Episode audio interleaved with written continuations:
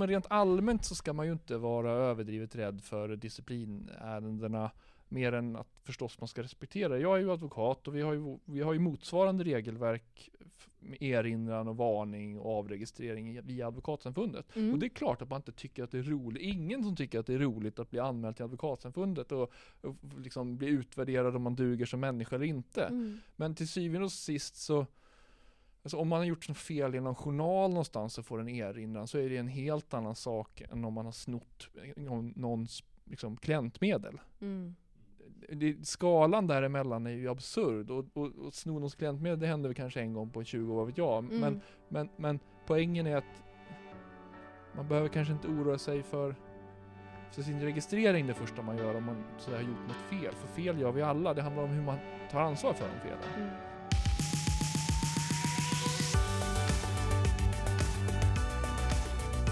Väldigt, väldigt bra. Väldigt behaglig. Ja. Mycket, mycket bra. Jag är Ja, lite förkyld om det är någon som hör, att det, hör man det tror du? Jag tycker att det pendlar fram och tillbaka hela Ja. tiden. Man Det- går måndag, tisdag, onsdag asbra och sen torsdag känner man sig lite Mm. ner mm. sådär. Ja, fattar. Och sen så bara, ja, jag vet inte hur det vänder. Är det för en starköl kanske? Jag vet inte. Ja, man behöver en stark tror jag. Renar inifrån. Ja. Men du, hur har veckan varit? Jo men veckan har varit bra tycker jag. Ja. Ehm, jag, eh, jag tycker att jag har fått upp min mötesfrekvens mycket mer, så kul! det är kul efter sommaren. Wow! Så det är mer möten som bokas Ja. och mer möten som eh, jag går på. Vad är, vad är framgångskonceptet där då? Var, vart har vändningen skett? Eh, bra fråga. Eh, jag tycker ju, eh, som, som jag har pratat med eh, kollegor och, och dig och bland annat och ledningen om att Är din kollega? Ja, absolut. Eh, nej men att det var, folk är ju bortresta på sommaren. Mm. Det var väldigt dålig svarfrekvens. Jag, Mm. jag tycker ändå att jag satt och gjorde mitt. Och, och la in mina egna ringstugor. Försökte ringa kall till exempel. Och boka på visningar som, som jag hade och så vidare. Men ja, folk försvann ju. Ja. Eh, efter räntebeskedet där 28 juli. På min födelsedag. Woho! Nej, men, och, och nu börjar väl kanske folk inse att eh, det går bra att köpa och sälja fortfarande. ja. Men eh, de är ju fortfarande nere på annorlunda prisintervaller. Och nivåer. Lyssna på med budgivning här.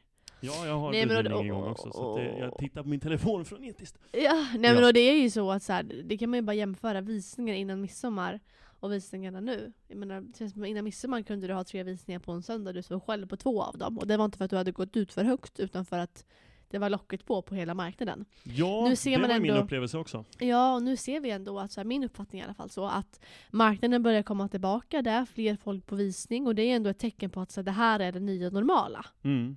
Och det är väl ett bra tecken för, för marknaden, att folk är tillbaka och ändå går på visning och snart kanske man kommer våga agera också i en Mm. större utsträckning. Så.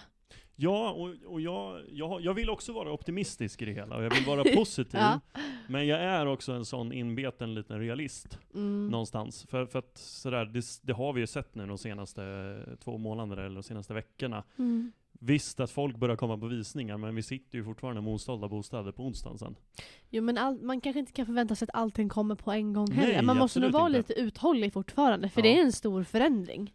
Men på tal om det här med mötesfrekvens då, för det är ingen så rolig sak som jag tycker vi ska lyfta. Ja, Vi har ju en pågående tävling på bolaget just nu. ja det har vi. Eh, där vi har, vad kan man säga, delat upp gruppen i olika läger. Yes. Och det är då baserat på i vilket område som du har ditt fokus eller vart du säljer som mest. Ja, Så precis. då har vi då Team Kungsholmen, Ja. där de är fyra stycken mäklare. Yes.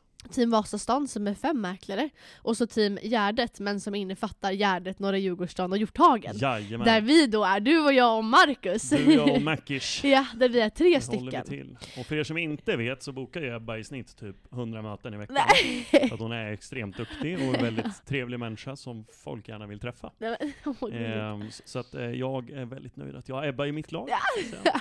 Nu, och tävlingen går ut på här nu då, att de som har flest egenbokande möten eh, under en två veckors period som Ja. man genomför, och även de som plockar in flest förmedlingsuppdrag under den här perioden. Yes, Och sen är vi då tre, fyra, fem i varje grupp, så då slår man ut ett snitt på de här då. precis, precis. Ehm, Och det är ju kul.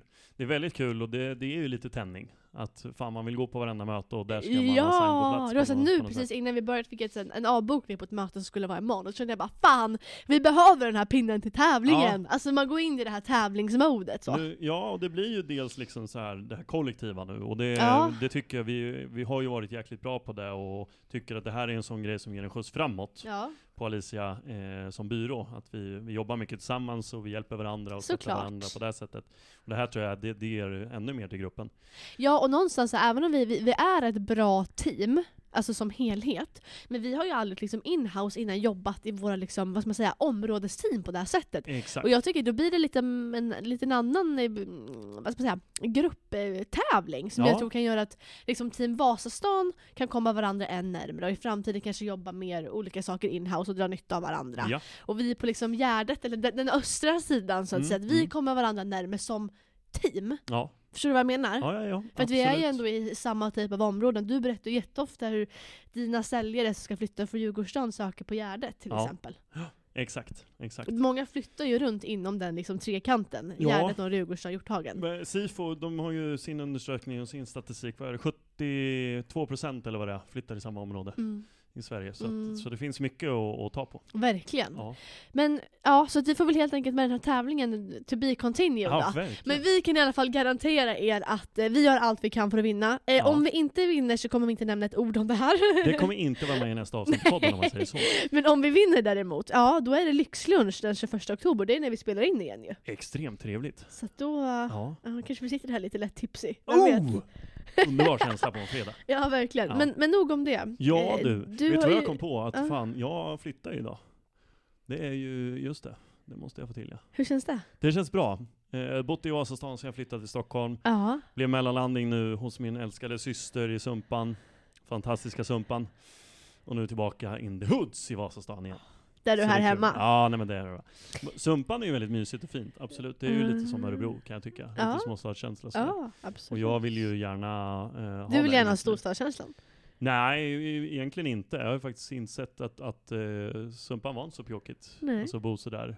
Ta fem minuter med pendeln in till stan, det är ju helt OK. Jo, är det inte galet bra kommunikation? Men Jo, gud, det här jo, kanske är gud, ja. jättetråkigt att lyssna på. Nej men jag bodde ju väldigt nära stationen där i Ja. så det tog ju inte många minuter att ta sig in. Men det blir lite omständigt när man hela tiden egentligen är i stan. och Men sen ska du till Djurgårdsstaden också, det är ju, då blir ju ändå över, då ska du över hela stan Ja, också. det, det, det blir liksom, jag är inte så lång så jag kan ta jättekliv över Nej hela fast du är bra lång. Bra Ja, lång är du. Men nog om det. Du har ju varit lite, vad ska man säga, du har ju varit lite eh, nedgrottad den här veckan. Ja. Eh, lite inne i dvalan liksom. Ja. Är det ja. någonting du vill prata om?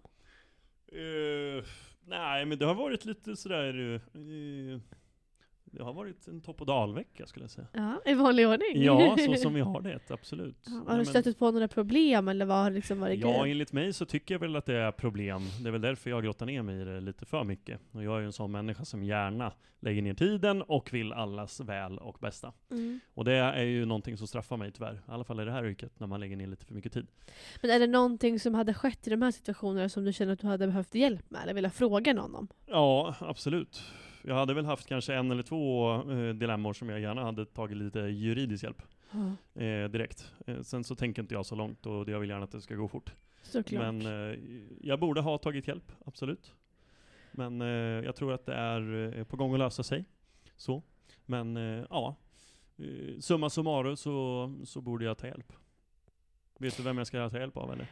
Ja men jag har ju en tanke, och det råkar ju vara så att vi sitter ju faktiskt med två eh, fantastiska personer här inne i studion idag som jag är helt övertygad om kan hjälpa dig med vilken fråga du än har kopplat till Ja, förkylen! mäkleriet! Just det, Ska vi presentera dem? Det tycker jag absolut. Välkomna in till studion, Jenny och Claes från Fastighetsmäklarförbundet! Jenny, VD och Claes som är jurist. Jenny, välkommen i studion. Tack. Hur, eh, ja, hur är läget? Det är fantastiskt. Det är Kul. fredag. Det är, ja, lång vecka här med, men eh, det var en bra vecka. Ja.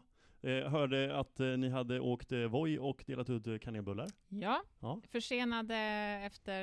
Det var kanelbullens dag i tisdags. Ja, Ja, men... Ni jobbar inte i synk. nej. Nej. och det har faktiskt att göra med att vi avslutar vår mäklarturné precis idag. Så det var därför vi gjorde det. Vi hann bara med idag. Ah, Kul! Mm.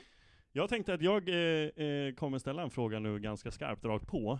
Jag, som jag tror många andra, eh, vet ju att ni finns.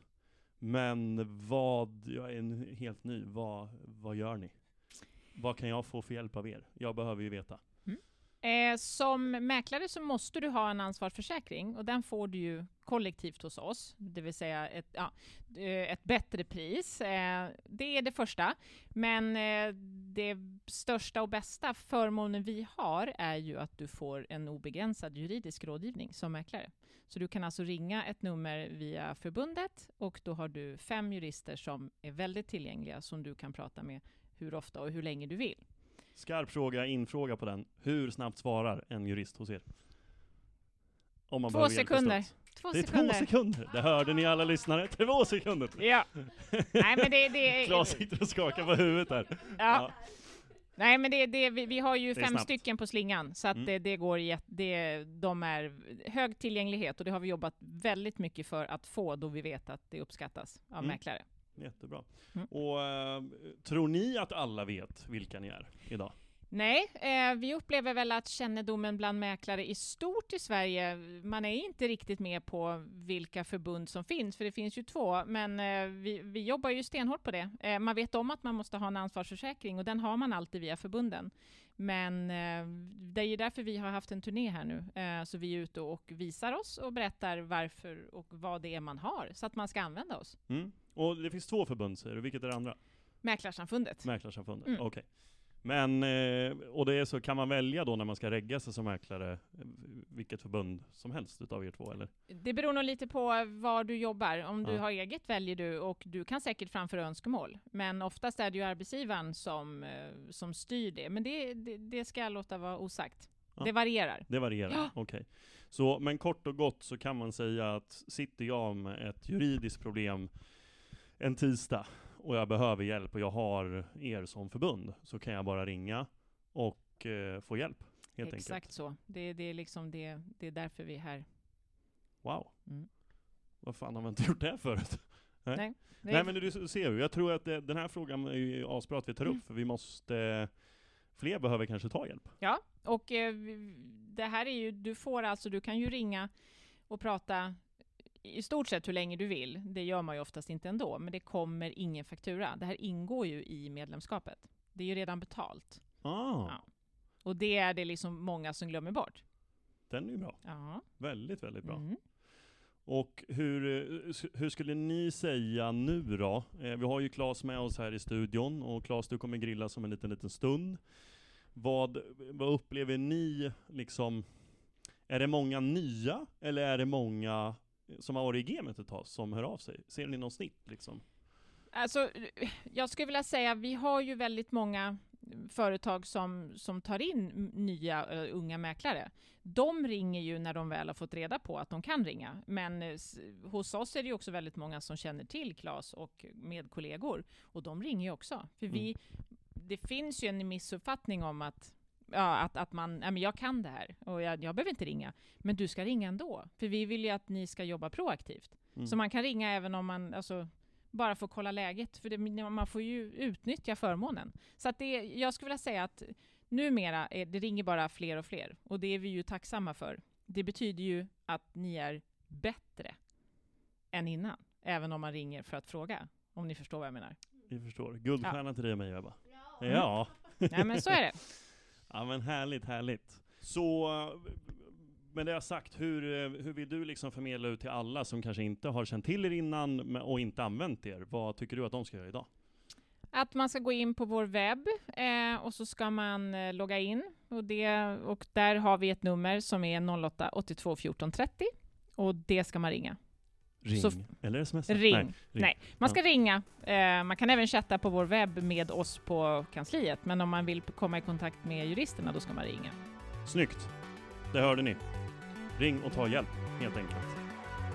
Klas, då har mickarna kommit över till oss. Ja, tack så mycket. Hur känns Kul att vara här. det? Ja, kul. Har du spelat in podd förut? Nej, det tror jag Nej. inte.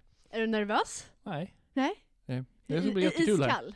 Det ska bli kul. Ja, spännande. Coolum! Och vi pratade ju här inledningsvis om att Gustav har lite dilemma just när det kommer till det här med dolda bud. Ja, det är inte så att ni börjar med de lätta frågorna direkt.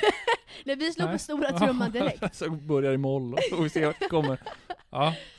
Hur ska man tänka? Vad är grejen med dolda bud? Ja, för att lyssnarna ska förstå egentligen bakgrunden då, så jag är ju advokat. Mm. Och jag är ju ansvarig för Fastighetsmäklarförbundets juridiska rådgivning för, för, för föreningens eh, 1100 medlemmar. Mm. Och eh, jag pratar ju telefon med mäklare och liksom har kontakt med mäklare varje, varje dag. Ehm, jag har ju jobbat med Fastighetsmäklarförbundet sedan 2012. Ehm, och eh, bara nu i september så fick vi 400 samtal på en månad. Mm. Så det är ju ett, ett högt tryck på oss fem jurister och, och jag är ju som sagt då sedan många år ehm, ja, varmt och glad över mitt samarbete med, med Fastighetsmäklarförbundet. Så med det som liksom kort utvikning så bo, dolda bud är en otroligt komplicerad fråga. Så jag Mm. förstår att ni mäklare tycker att den är jobbig. Mm. Ehm, men sen så kan man också göra den enkel. Om man, ska, om man får ett dolt bud. Det, det- man ska ha i ryggmärgen enligt min uppfattning det är att det finns ingenting som heter dolt bud. Det står inte dolt bud i någon lagstiftning eller, eller i några böcker eller vad det nu kan tänkas vara. Utan det är bara ett, det är bara ett ord på någonting som, som budgivaren vill hålla hemligt. Mhm. Och då har ju ni mäklare, servicevilliga som ni är, en tendens att vara lite för servicevilliga. Ni tar ju problemet i knät och springer med problemet. Mhm. Men om ni är lite mer iskalla där, där och då och ställer lite frågor till budgivaren så löser sig oftast det problemet kring dolda bud. För, och så ringer ni mig och sen så får vi då i efterhand på något sätt göra en arke- arkeologisk utgrävning av vart vi är någonstans. Och det, Mm. funkar ju sådär. Jag brukar ofta säga till att man ringer tillbaka till budgivaren bara för att liksom bekräfta var, var man står någonstans. För om, om budgivaren säger, men här har jag ett bud, dolt bud på 4 miljoner. Mm. Om då mäklaren säger så här, men vad menar du med ett dolt? Betyder det att jag inte får informera andra spekulanter om budet? Ja, det är korrekt. Men får jag inte ens informera andra spekulanter om att du har lämnat ett bud överhuvudtaget?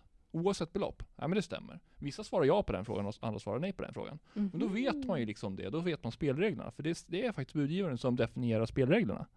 För då riskerar du inte heller Nej. att göra någonting fel i den bemärkelsen. Exakt. Mm.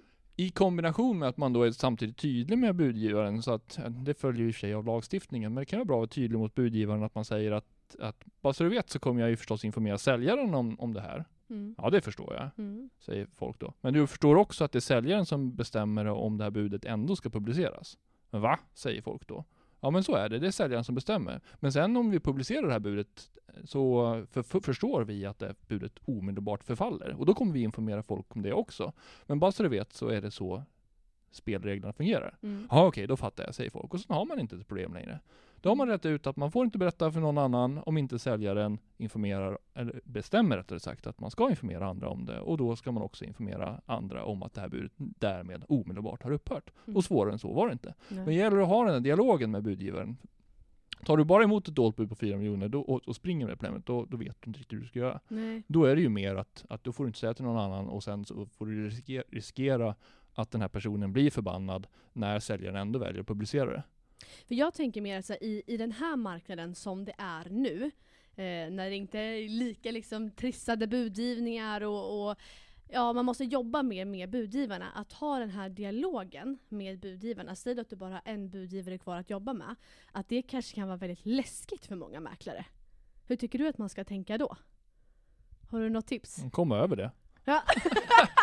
det var inte svårare än så. Som att komma över ett heartbreak. Nej Kom men alltså jag är jurist va, det, är- det, det är mitt svar. Och sen så, ja. Nej. Nej, nej, nej, det, det, det är egentligen bara att ha den dialogen och spela med öppna kort. För som sagt, alltså, jag ser ju många tjuvanmälningar till FMI mot mäklare och så får ni lägga en 10-20 timmar i onödan på att försvara er FMI. Och liksom mitt jobb är ju att försvara er. Mm, Och, att, och, och, och framförallt att undvika att ni hamnar i problem. mm, Ehm, så mycket av rådgivningen handlar ju liksom om att, oavsett om det är dolda bud eller någonting annat, framförallt om det är andra saker, men, men det handlar ju mycket om att nej, men nu har du gått lite för långt. Mm. Ta, ta tillbaka lite här så att vi liksom minimerar risken för att A, B, C sen händer. mm.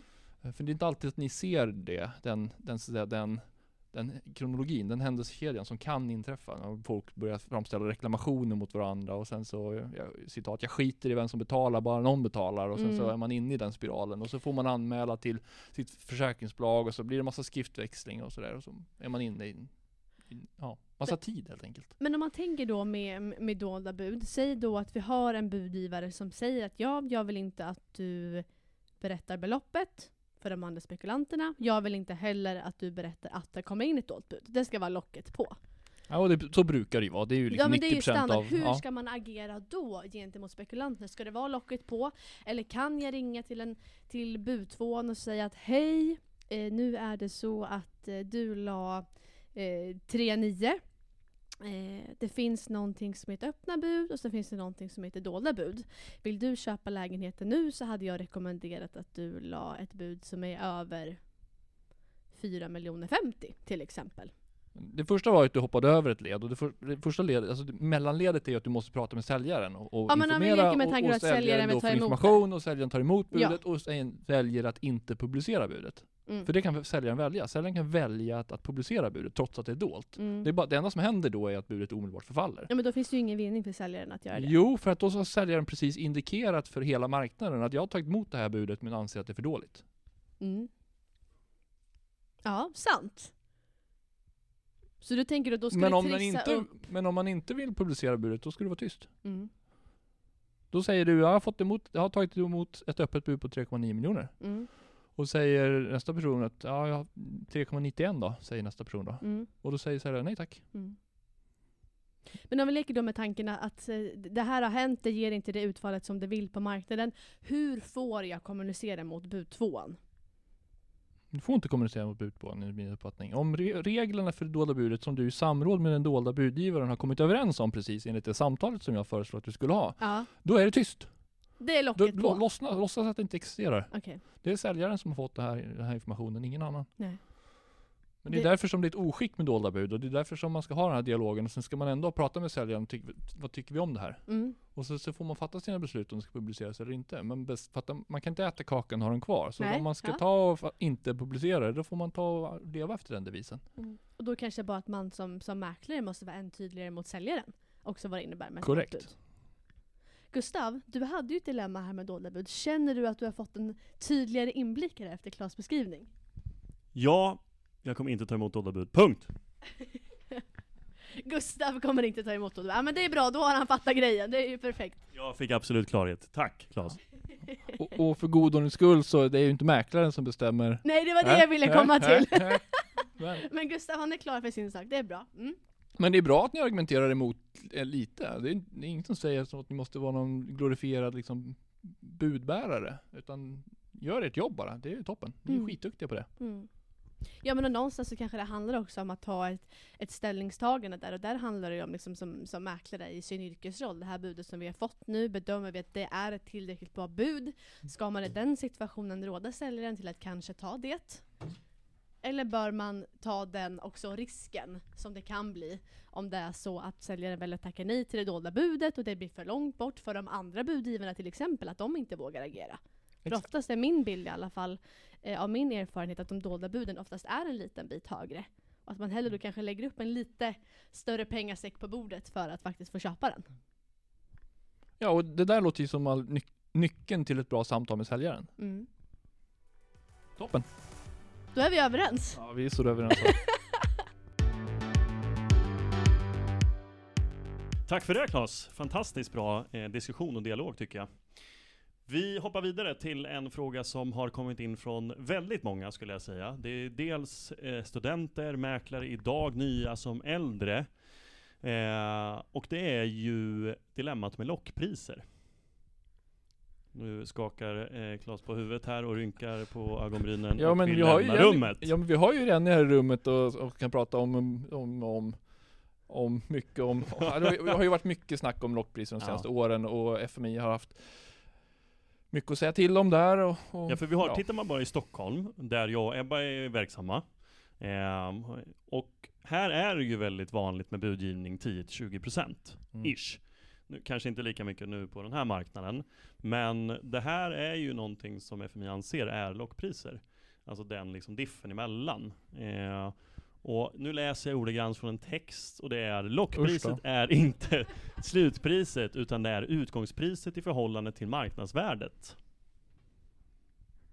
Vad tänker du när jag säger så?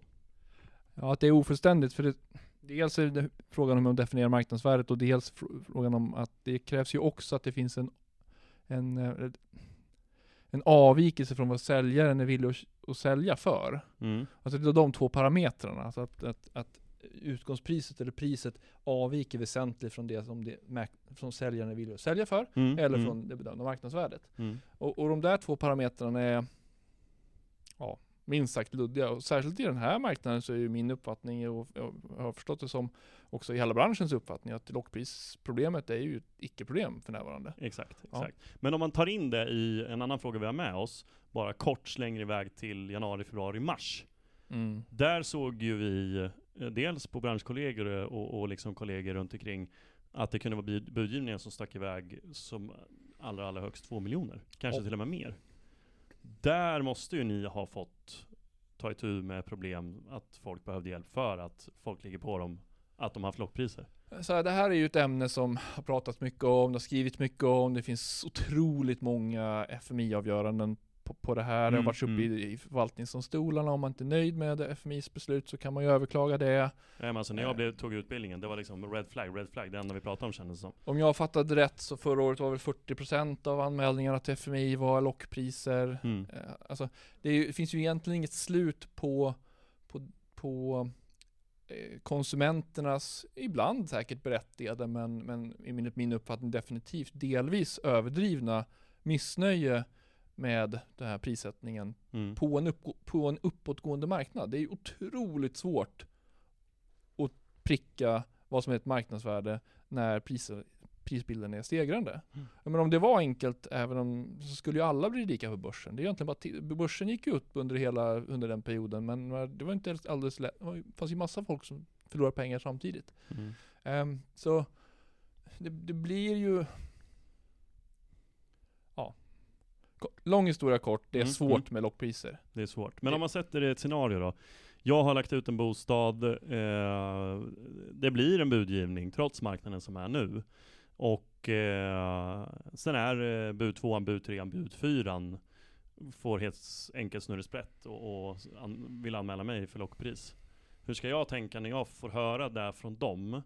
Utifrån att jag har gjort min liksom, professionella bedömning på värderingen, marknadsvärdet och sagt ett utgångspris grundat på ja, tidigare försäljningar och, och, och vad jag tror hur budgivningen kommer se ut på den här marknaden.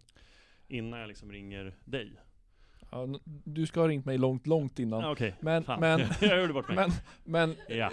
eh, det, det första som händer i, en, i ett mäklaruppdrag är ju generellt sett att man skriver ett förmedlingsuppdrag och i det så brukar man definiera vad säljaren vill ha som utgångspris på objektet. Ja. Och, och numera så står det ju oftast i de där förmedlingsuppdragen att detta är också är lägsta nivå eller ett, ett belopp som säljaren är villig att sälja, sälja för. Mm. Och då har du som mäklare åtminstone täckt upp den parametern i lockprisbedömningen eftersom det är en tvådelad bedömning. Antingen då avvikelse från vad säljaren är villig att sälja för eller då den här marknadsvärdesfrågan. Så folk som inte fyller i den som är mäklare har, har kanske inte täckt upp sin egen rygg Mhm. enligt min uppfattning eh, på ett enkelt sätt. Mm. Alltså den raden, förslag Ja. på utgångspris på Ja. förmedlingsuppdraget. Ja, för Okej. där står det ju att det här är också ett belopp som säljaren att sälja för. Ja, ja. Ehm, men sen är det liksom en bedömningssport. FMI har ju kastat pil och gått på ett antal mäklare och har under de senaste åren åkt på en del framgångar och en del motgångar. En del uppmärksammade motgångar också. Eh, Gått ut jättehårt mot vissa mäklare och sen total förändring i förvaltningsdomstolarna. Mm. Eh, Så det är svårt att, och då har ju FMI delvis ändrat taktik i vissa avseenden och så har man gått på mäklare med ur ett statistiskt perspektiv. Så har man begärt in alla 80 s- eh, förmedlingar som den, Mm. en specifik mäklare har gjort i ett visst område under två år. Och sen så hittar man att eh, i 60 av dem så steg det mer än 14% och så mer och mer systematiskt påstående om lockpris. Eh, för att man bedömer att det sannolikt är lättare att bevisa än en enskild händelse. Men Ehm, är det här specifikt eh, lockpriser då? Ja. Som det har varit? Ja. Okej. Mm. Så att det har varit väldigt svårt för myndigheten att, att pinpointa gränsen för Ja. lockpris. Och det är svårt för alla. Även för er, även för oss. och hjälpa till med. Så Men, men får jag då inflika med en kanske lite dum fråga? Men för, för jag kan tänka så här, i slutändan oavsett vilket utgångspris du har så att den som lägger det sista budet avgör ju någonstans vad den personen i fråga tycker att lägenheten är värd. Och det blir ju slutpriset på lägenheten, vad den säljs för där och då. Och om man då sätter ett lägre utgångspris till exempel med syftet att flera ska komma på visningen och då kanske folk tänker att det är ett lockpris, locka till sig folk. I slutet av dagen, vad är det som är den stora problematiken med ett lockpris? Den stora problematiken är ju att man vils- vilseleder marknaden. Ja. Um, FMI flyttade ju från Stockholm till Karlstad för ett antal år sedan. Och då började man rekrytera av naturliga skäl jurister lokalt och de juristerna kom i hög utsträckning från Konsumentverket. Och Konsumentverket är den myndighet som, som utövar tillsyn av, över marknadsföringslagen. Och sedan dess så har FMI också tittat väldigt mycket på just marknadsföringslagen. Och marknadsföringslagen är ju väldigt mån om vilseledande marknadsföring. Mm. Så, så FMI, om man ska förstå FMI så ska man tänka mycket på hem- Hemnet-annonserna. Alla 15 000 som är inne och klickar på en annons, att Mm. de inte vilseleds. Mm. Snarare än då de kanske 50 som kommer på en visning och kanske de tre som lämnar bud. Det är liksom av mindre intresse än de 15 000 som funderar på om de ska gå på visningen överhuvudtaget. Att de inte vilseleds. Och då är lockpriset, de här stora siffrorna på Hemnet, billigt, billigt, billigt, ett problem anser FMI. Mm. Ehm, så det handlar om att inte vilseleda konsumenter. Mm. Mm. Att de ska fatta ett, ett affärsbeslut som grundar sig på att de inledningsvis har blivit vilseled, vilseledda. Så när man väl är med i budgivningen så blir, man, så blir den här upptrissad av att man, det blir någonting annat. Mm, jag fattar. Lockpris, är det någonting som många av de mäklarna som har ringt in till dig genom åren, är det någonting som är vanligt? Eller vad, vad är det vanligaste som ni brukar få handskas med så? Ja, absolut får vi frågor om lågpris. Jag vet ju många mäklare som hamnar i situationer, kanske inte i dagens marknad, men de senaste åren har det funnits massa tillfällen då mäklare eh, liksom känner att oj, nu måste budgivningen typ stanna, för annars får jag problem här. För det var inte alls så här jag tänkt. Och det, det har ju ibland verkligen stuckit. Mm. På otroligt oväntat sätt. Det är ju jättesvårt att veta på förhand. Mm. måste vara en jättesvår del av ert jobb. Mm. Ehm, men den vanligaste, ja förlåt. Nej, men jag, förlåt för jag, nu snor jag micken här bara. Men jag tänker ju, förut var det ju på den bättre marknaden, alltså folks disponibla inkomster var ju helt annorlunda mot idag. Alltså räntan var ju inte i närheten vart den är idag. Det fanns ju mer pengar att spendera. Och framförallt har man sålt på den marknaden så har man sålt dyrt och kan också köpa dyrt. Och låna, för det var i princip gratis att låna. Så, så att det, det måste ju vara flera liksom infallsvinklar som man kan ha som USP eller liksom kraft emot om det är så att man blir anmäld för lågpris. Absolut. Ja. Och, och precis det resonemang som du nu för har ju varit en, en central del i försvaret för de mäklare som har som försvarat sig framgångsrikt mot den typen av anklagelser. Mm. Så absolut. Men eh, nu är ju förhoppningsvis mängden anmälningar väsentligt ner, så kan man prata om andra saker helt enkelt. Mm. Men om man tänker procentuellt då för lockpriser, har, har du någon uppfattning? Hur många är det som faktiskt blir fällda för det och hur många blir, blir friade? Ja, men det har jag faktiskt inte någon uppfattning om, men Nej. min uppfattning är att det är oväntat många som frias. Mm. Alltså, man, även otroligt stora uppgångar har lyckats förklaras bort. Mm. Och det, det kan jag förstå, för att förvaltningsdomstolarna har verkligen sagt ganska hög ribba för, för vad de anser är en, delvis annan ribba än FMI kan man säga. Mm, jag förstår. Men skulle man då kunna säga att om man skulle få en lockprisanmälning, att man inte behöver vara rädd för sitt liv som mäklare? Ja, det- Vågar man säga det?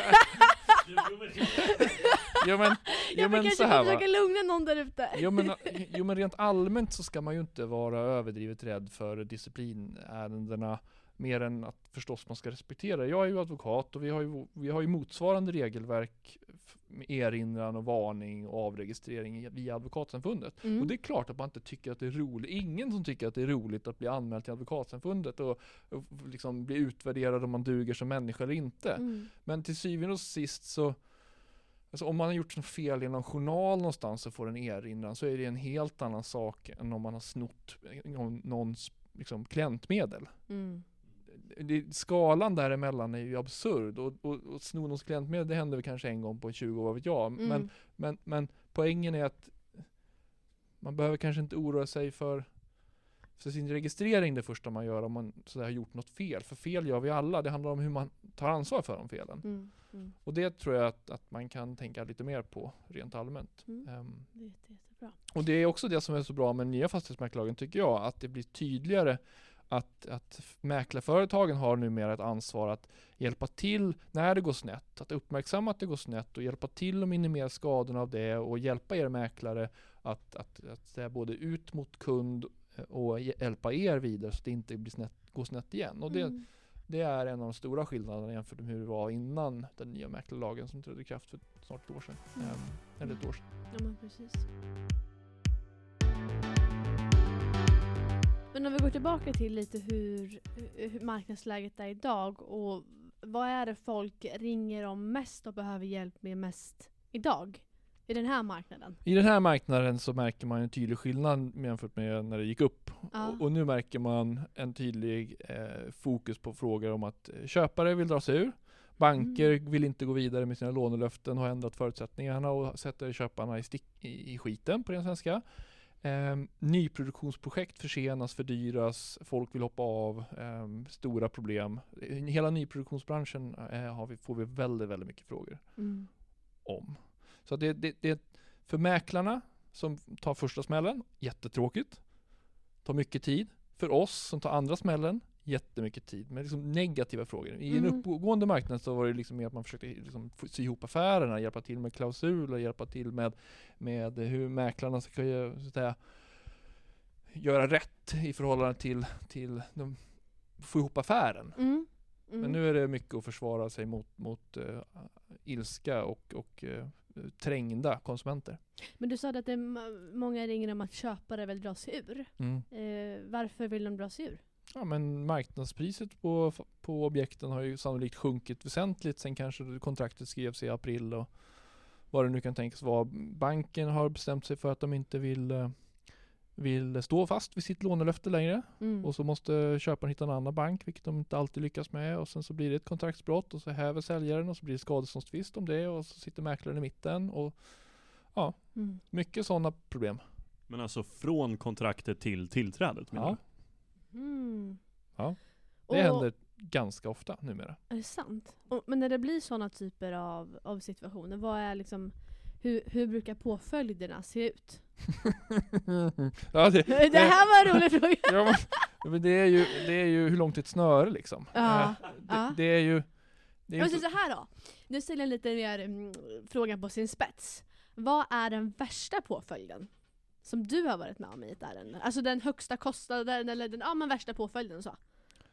Eh, Det vet jag inte. Alltså, om, man, om man tänker sig att köparen begår ett kontraktsbrott och inte tillträder, Mm. då får ju generellt sett säljaren häva köpet. Mm. Och sen så, säljaren kan ju i och för sig också välja att stämma köparen och kräva att köparen fullföljer. Mm. Men det brukar nästan ingen välja det alternativet. Mest för att man kan inte lugga en flintskallig och de som inte tillträder brukar vara strulpellar. Mm. Och sen så säljer man om med samma mäklare eller någon annan. Och Mm. sen så skickar man ett krav till, till köparen som på, på mellanskillnaden mellan vad man fick i första försöket och, och vad man fick i andra försöket. Och anser att det är en skada. Och sen så får man bråka i domstol om det där.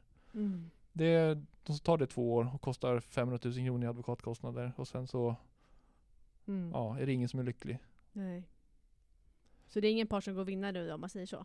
Ja det beror ju på, ofta beror det ju på hur stor handpenningen var. Ja, Ja, för den kan ju vara en bra buffert för säljaren i de situationerna. sant. Men ja, svårt. Det finns inga Det finns inga självskrivna svar i de här situationerna. Nej. Utan man måste anpassa sitt eget beteende utifrån liksom, vad som är bäst i, där Mm. och då. Mm. Svårt som tusan. Och Verkligen. jättetråkigt. Ja. Förlorare bara för alla. Även köparna kan det vara väldigt synd om när, när bankerna drar öronen åt sig. Mm. Verkligen. Ehm, Mm. Och vi har även en, en ytterligare fråga. Eh, och det är just det här när det kommer till NIX-anmälningar och anmälningar vid eh, ja, men icke godkända, att man har samtyckt till lappar och samtal och utskick av olika slag. Så vad, vad är en NIX-anmälning? Ja, jag är ju ingen auktoritet på det här området, men jag ska ändå sticka ut hakan och försöka svara på frågan. Ja. um, alltså Nix-anmälning innebär ju att man anmäler sig till Nix-registret ja. som konsument eller privatperson, um, rättare sagt, och att man helt enkelt inte vill ta emot riktad marknadsföring på det sättet, eller att man blir störd via till exempel telefonnummer eller sin Mm. adress. Um, och um, det innebär ju att en näringsidkare har en skyldighet att kontrollera mot den här, det här registret och inte vidta marknadsföringsåtgärder till folk som är registrerade där. För min tanke, säg till exempel om man skulle mm, eh, man ska ringa i ett hus till exempel eller liknande. Att då hade man kanske kollat, hitta, det är många som har dolda telefonnummer från nätet till exempel. Eh, då kan man inte ringa på de numren, men att de numren som det inte var så, då är det fritt fram till exempel. Men det är alltså inte fallet om någon är nej, det, nej, det är inte fallet utan är man mäklare eller annan näringsidkare så har man ju en skyldighet att rätta sig efter dem, efter Nix-registret. Mm. Och det gäller ju inte bara er utan det, det är inte en riktad insats mot mäklare utan det gäller ju alla. Mm. det är till för att skydda oss privatpersoner mot att vi ska få sms eller uppringningar från alla företag där ute Mm. som man inte vill bli uppringd från. Mm. Ehm, och så finns det ju förstås så massa regler kring det där, men, men det behöver vi inte gå in på i, i detalj här. Men kontentan av det hela är ju att ehm, det där har ju börjat gå upp mer och mer för folk. Och så, det vi hör är ju att, att, att mäklare får mer och mer GDPR-påhopp. Mm. Eh, Som att man vill utnyttja sin rätt att bli glömd och man vill få ut all information om sig själv man har i, i, på, hos ett mäklarföretag och, och man har inte samtyckt till att eh, ens villa syns i bakgrunden på en drönarfilm och, och de här frågorna häng- hänger ihop eh, med din Nix-fråga. Mm. Och man kan ju bara konstatera att hela GDPR-regelverket är ju relativt nytt och det har inte riktigt satt sig var gränserna går och sådär så att ehm, Ja, det är, det är, eh, vi lär oss samtidigt som vi utvecklas Ja. ungefär på det här området. Men för vår uppfattning är ändå liksom, om, om man lyssnar på, på många sådana här poddar för mäklare som har blivit väldigt, väldigt framgångsrika. Då är frågan, vad har ni gjort för att bli framgångsrika? Då är det väldigt vanligt att man säger auktoritär, eh, lappa mycket, ringa mycket, synas mycket i sitt område. Om man då får en sån här nixanmälan till exempel, eller att man har skickat ut lappar och det går till FMI för att man strider mot god marknadsföringssed exempelvis. Hur ska man tänka då? Ska man bli rädd för sitt liv som mäklare då? Nej, utan då tar man det en smäll på fingrarna och, och som man får sannolikt, och sen så går man vidare i livet. Ja. Ehm, Så det händer inget värre än så? nej, inte om det är första överträdelsen, men om det är fjärde överträdelsen så kanske det är värre. Det finns ju egentligen, ingen, finns egentligen inget facit för hur FMI väljer att eskalera de där trapporna. Nej. Men det är tydligt en eskalering beroende på hur ofta man är där. Mm. Och det kan man ju också förstå. Ehm, Mm. Man ska inte vara där allt för ofta. Men på första försöket absolut inte. Nej. Om men det inte är allt för allvarligt. Nej, precis. Beror på vilket avseende. Ja, ja men det är jätte, jättebra. Men du Claes, stort tack för svaret på dina frågor. Och Claes och Jenny, stort tack för att ni kom och gästade våran podd idag. Ja, fantastiskt trevligt avsnitt och hoppas att vi kan eh, få ut det här till alla så att ni vet att eh, har man en tuff dag på jobbet, då ringer man Klas. Och company. Inte bara Klas. Titta Nej, på vetar. stort tack för att vi fick vara här, både jag och Jenny. Vi, vi är oerhört tacksamma för, för att träffa er. Tusen tack. Tusen tack. Fastighetsmäklarförbundet gästar oss idag. Det är helt underbart. Vi är Mäklarna. Den nakna sanningen! Ingen! Trevlig helg på er!